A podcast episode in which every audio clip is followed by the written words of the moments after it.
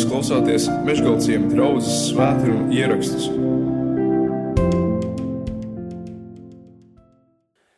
1993. gadā uh, Kubas sportists uh, Javieris Sotomajors uzstādīja pasaules rekordu augstliekšanā. Un šis pasaules rekords nu, jau turās gandrīz 30 gadus. Ja? Un tas ir 2 metri 45 centimetri. Nu, tas ir tā kā vienā standarta dzīvoklī griezti. Ja? Sotomajors pats ir 1,93 m garš. Viņš ir diezgan garš vīrs. Bet tas nozīmē, ka tas augstums, kuru viņš pārlēca, bija 52 cm pāri viņa paša augumam. Es domāju, ka neviens no mums nevar pārliekt pāri 52 cm virs savas galvas. Varbūt daži pat eh, nevar 52 cm no zemes pārliekt, ja jums noliktu tādu. Var gadīties, ka kādi arī eh, nemaz to nevar.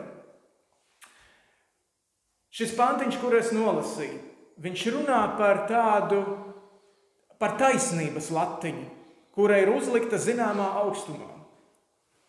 Ja jūsu taisnība nav labāka par farizēju un rakstu mācītāju taisnību, jūs nevarēsiet pārlikt, jūs ne, neieiesiet debesu valstībā, Jēzus saka.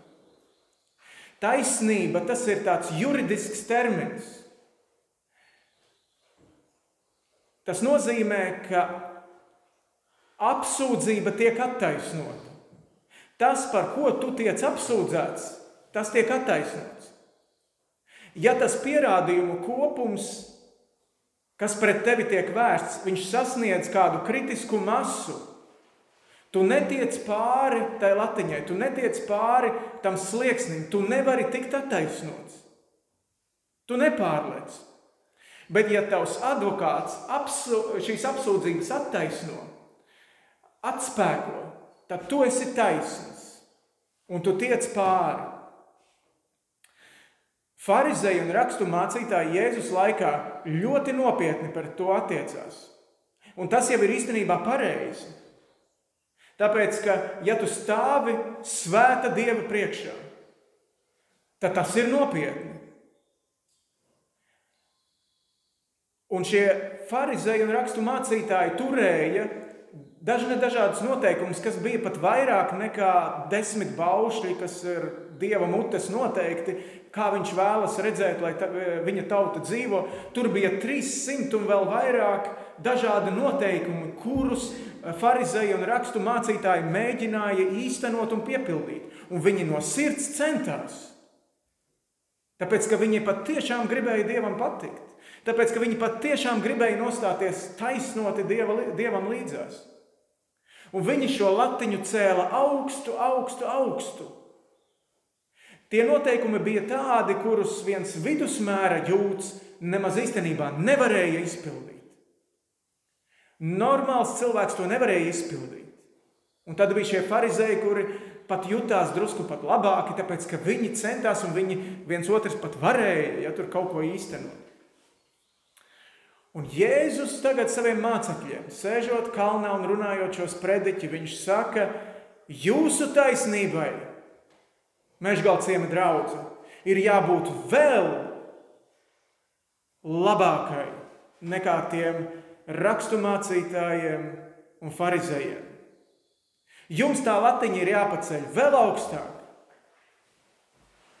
Un vēl vairāk, ko viņš saka, viņš saka, katram no jums mani sekotāji, ir jāvar pārliekt šie 52 centimetri virs savas galvas. Vai tas nav kaut kas neiespējams, ko Jēzus prasa? Vai maz tas ir iespējams? Atcerieties, tie, kas bijāt februāra sākumā, tas varēja būt. Es runāju par, par tām 37 dienām, kuras parasti nu, ir tāds vidējais laiks, kur viens cilvēks savas apņemšanās var īstenot. Ja, kurš atcerās par to 37 dienas, un februāra sākumā tas kaut kur tur apritēja. 37 dienas viens cilvēks apmēram vidēji mēģina īstenot to, ko viņš jaunajā gadā ir apņēmies. Un tad vai nu tie ieradumi ieietās tavā dzīvē, vai nu atkal tu viņus atmet un saki, es nevaru. Es nevaru šo, šo īstenot, es nespēju. Un tajā reizē es mudināju nepadoties. Ir pagājušas 37 dienas, nepadodieties. Turpiniet īstenot to, ko esat apņēmušies Dievu priekšā uh, vecgada vakarā. Turpiniet, nepadodieties, iespraudiet karogu tajā nu, virsotnē, ko tu esi sasniedzis, iespraud un saki, tā ir mana virsotne, šis pieder tagad man, šī vieta ir iekarota, neatlaid, neatkāpies no tās vietas. Tagad, jūnija sākumā, nu jau ir pagājis gandrīz pusgads kopš tās tām vecgada apņemšanām, kas ir, ko mēs esam teikuši. Un kad es pats skatos uz sevi, Es varu teikt, ka es esmu vienā otrā lietā izgāzies. Es neesmu sasniedzis to, uz ko es esmu aicinājis gan sevi, gan jūs. Man tas nav izdevies. Ne visur, ne visās lietās ir kaut kas, kas ir iegājies. Bet kaut kādas ļoti svarīgas lietas, kuras es gribēju iesākt, es, es varbūt divreiz ilgāk par 37 dienām izturēju, un tomēr izgāzos. Un tomēr man nācās atzīt, ka es nespēju tai latiņai pārliekt pāri. Vai es sludināju nepareizi? Vai tas bija kaut kas greizs, vai tā bija kļūda, ko es toreiz teicu? Ja grēks uzglūna, ja grēks stāv durvju priekšā, mēs, eh, mēs nevaram uh, izturēties viegliprātīgi. Mēs nevaram tolerēt pret grēku. Mums ir jācīnās pret to, ir jāstājās pretī. Arī Jēzus šeit Eh, Kalnu svētkrunā viņš tālāk nu, runā par kaut ko tādu, kā tādu karoga iesprāšanu un, un cīņu par to. Eh, bet, ja tava labā acis tevi apgrēcina, tad izrauj to un met projām. Jo tas tev labāk, ka viens no taviem locekļiem pazūd, nekā ja visa tava miesa to piemesta ellē. Ja tava labā roka tevi apgrēcina, tad nocer to un met prom, jo tas tev labāk, ka viens no taviem locekļiem pazūd, nekā ja visa tava miesa nonāk ellē. Tur ir par, par šo cīņu, par to nepadošanos, pat gatavību ciest kaut kādas sāpes.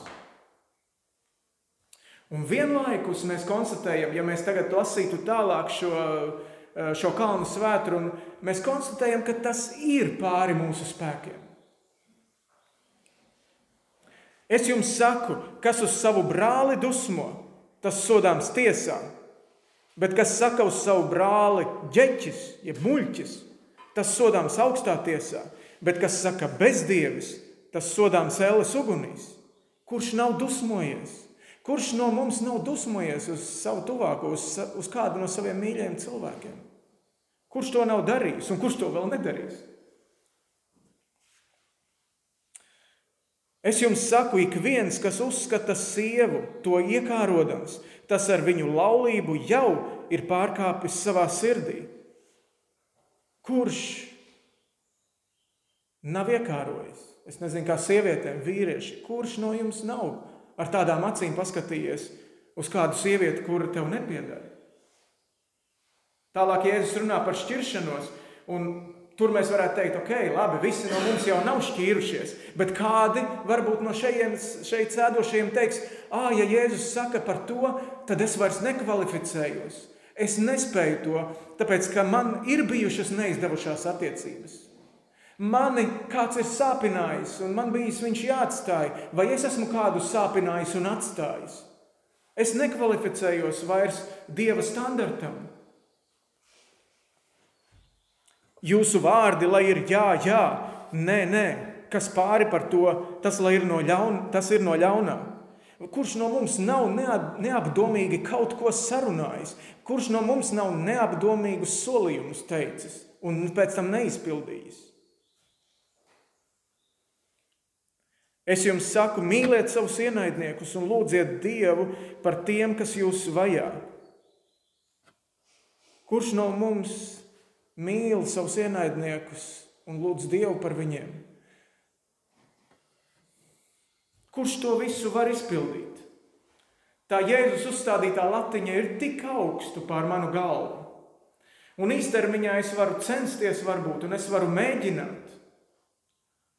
Bet agrāk vai vēlāk man ir jākonstatē, ka tas nav manos spēkos. Un es domāju, ka mēs kā cilvēki jau īstenībā no sirds gribam Dievam patikt. Mēs no sirds gribam sasniegt šos standartus. Un tad cilvēki ir meklējuši dažne dažādas veidus ja, un tehnikas, kā to, kā to īstenot, kā to izdarīt. Ir cilvēki, kuri ir aizgājuši vispār vientulībā projām, aizgājuši tuksnesi, jo viņi ir teikuši, tur nebūs neviens cilvēks. Tur nebūs neviena sieviete, uz kuru es varētu paskatīties un iekārot. Tur nebūs neviens, uz kuru es varētu dusmoties. Tur es būšu glābts no visiem šiem kārdinājumiem. Cilvēki brauc uz Indiju, brauc uz Tibetu, mācās meditēt, iedziļināties sevi, izslēdz apziņu, un ko tikai visu vēl nedara. Bet tas viss ir tikai plāksteris. Tas nav ceļš uz taisnošanu Dievu priekšā. Tā visa ir tikai taisnošanās.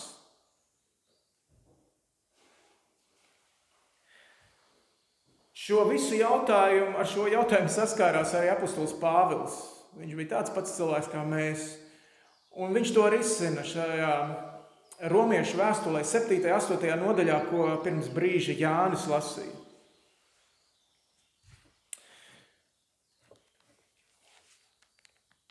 Viņš tāpatās saka, es no sirds gribu, es no sirds gribu pārliekt šai augstajai latiņai. Es no sirds gribu patikt Dievam, bet es nevaru. Es zinu, ka manī, tas ir manā dabīgajā miesā, nemīt nekas labs. Labu gribēt man ir dots, bet labu darīt nē. Jo labo, ko gribu, es nedaru, bet ļauno, ko negribu, to es daru. Es nevaru sasniegt to dieva standartu, es nevaru sasniegt dieva taisnību. Pāvils izsaucās visas šīs domas beigās, ak, es nožēlojamais cilvēks, kas man izraus no šīs nāvei lemtās miesas? Kur ir izēja? Kas manu taisnību padarīs pārāku par raksturmācītāju un farizēju taisnību? Kā lai es to sasniedzu? Kurš man atvērs debesis? Atbilde ir Jēzus. Jo tūlīt pēc šī sāpīgā izsauciena, kas man palīdzēs, Pāvils saka, pateicība Dievam, mūsu kungā Jēzu Kristu. Ko bauslība nespēja, nevarīga būdama mūsu miesas dēļ, to ir darījis Dievs, sūtīdams savu paša dēlu, grēcīgās miesas veidā un grēka dēļ, viņš grēku, kas bija miesā, pazudinājis uz nāvi. Redzēt cilvēka centieniem, Pāvils pretī noliek dievu spēku. Cilvēciskām pūlēm viņš pretī noliek žēlastību. Mūsu miesas spēkiem un nespēkiem viņš noliek pretī garu. Garu, kuru Jēzus apsolīja tajā brīdī, kad viņš devās uz debesīm projām. Gaidiet, būs svētais gars, būs palīgs, būs aizstāvis. Gars, kurš nāca pār draugu vasaras svētku dienā. Gars, kurš, kā Bībeles saka, tiek dots visiem, kas viņam paklausa. Jo miesas cilvēki tiecas pēc miesas lietām, bet gara cilvēki pēc gara lietām. Miesas tieksme ved nāvē, bet gara tieksme uz dzīvību un mieru. Miesas tieksme ir naidā ar Dievu. Tā neklausa Dieva bauslībai, jo tā to nespēja. Miesas cilvēki nevar patikt Dievam, bet jūs neesat miesā, bet garā. Tik tiešām, ka Dieva gars mīt jūsos.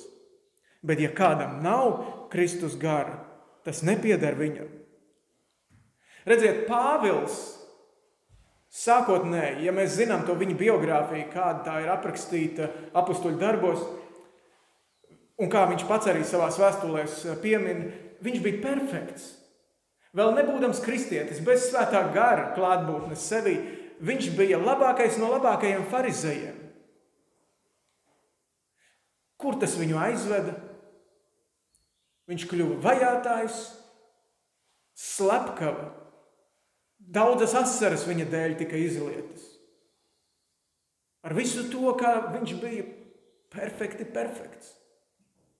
Un tad, kad viņš atskatījās uz šo savu dzīves posmu, tad viņš Filipiešu vēstulē, piemēram, saka, es to visu uzskatu tagad par mēsliem, lai tikai Kristu varētu iegūt un palikt viņam.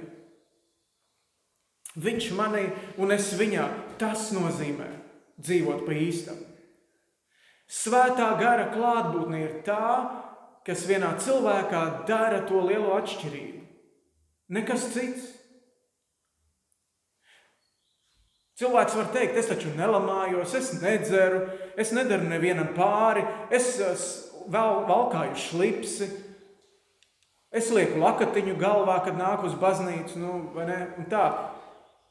Tas ir tas, kas man atšķir no pasaules un redzēt, kāds es esmu labs, bet tas nav tas, kam būtu viena kristieti jāatšķir no pasaules. Tās nav tās galvenās lietas. Tie visi var būt augļi kaut kādā brīdī bet manu taisnību pārāku par farizēju un rakstu mācītāju taisnību dara svētā gara klātbūtne manī. Apslāpē garu, apbēdini svēto garu, un tu būsi tieši tāds pats kā jebkurš pasaules cilvēks. Ne ar ko neatšķiroties. Tu būsi pasaulē līdzīgs. Caur Jēzu Kristu un caur viņa sūtīto garu mēs esam Dieva bērni. Jo jūs neesat saņēmuši verdzības garu, lai atkal kristu bailēs, bet jūs esat saņēmuši dievbijības garu, kas mums liek saukt aba tēvs.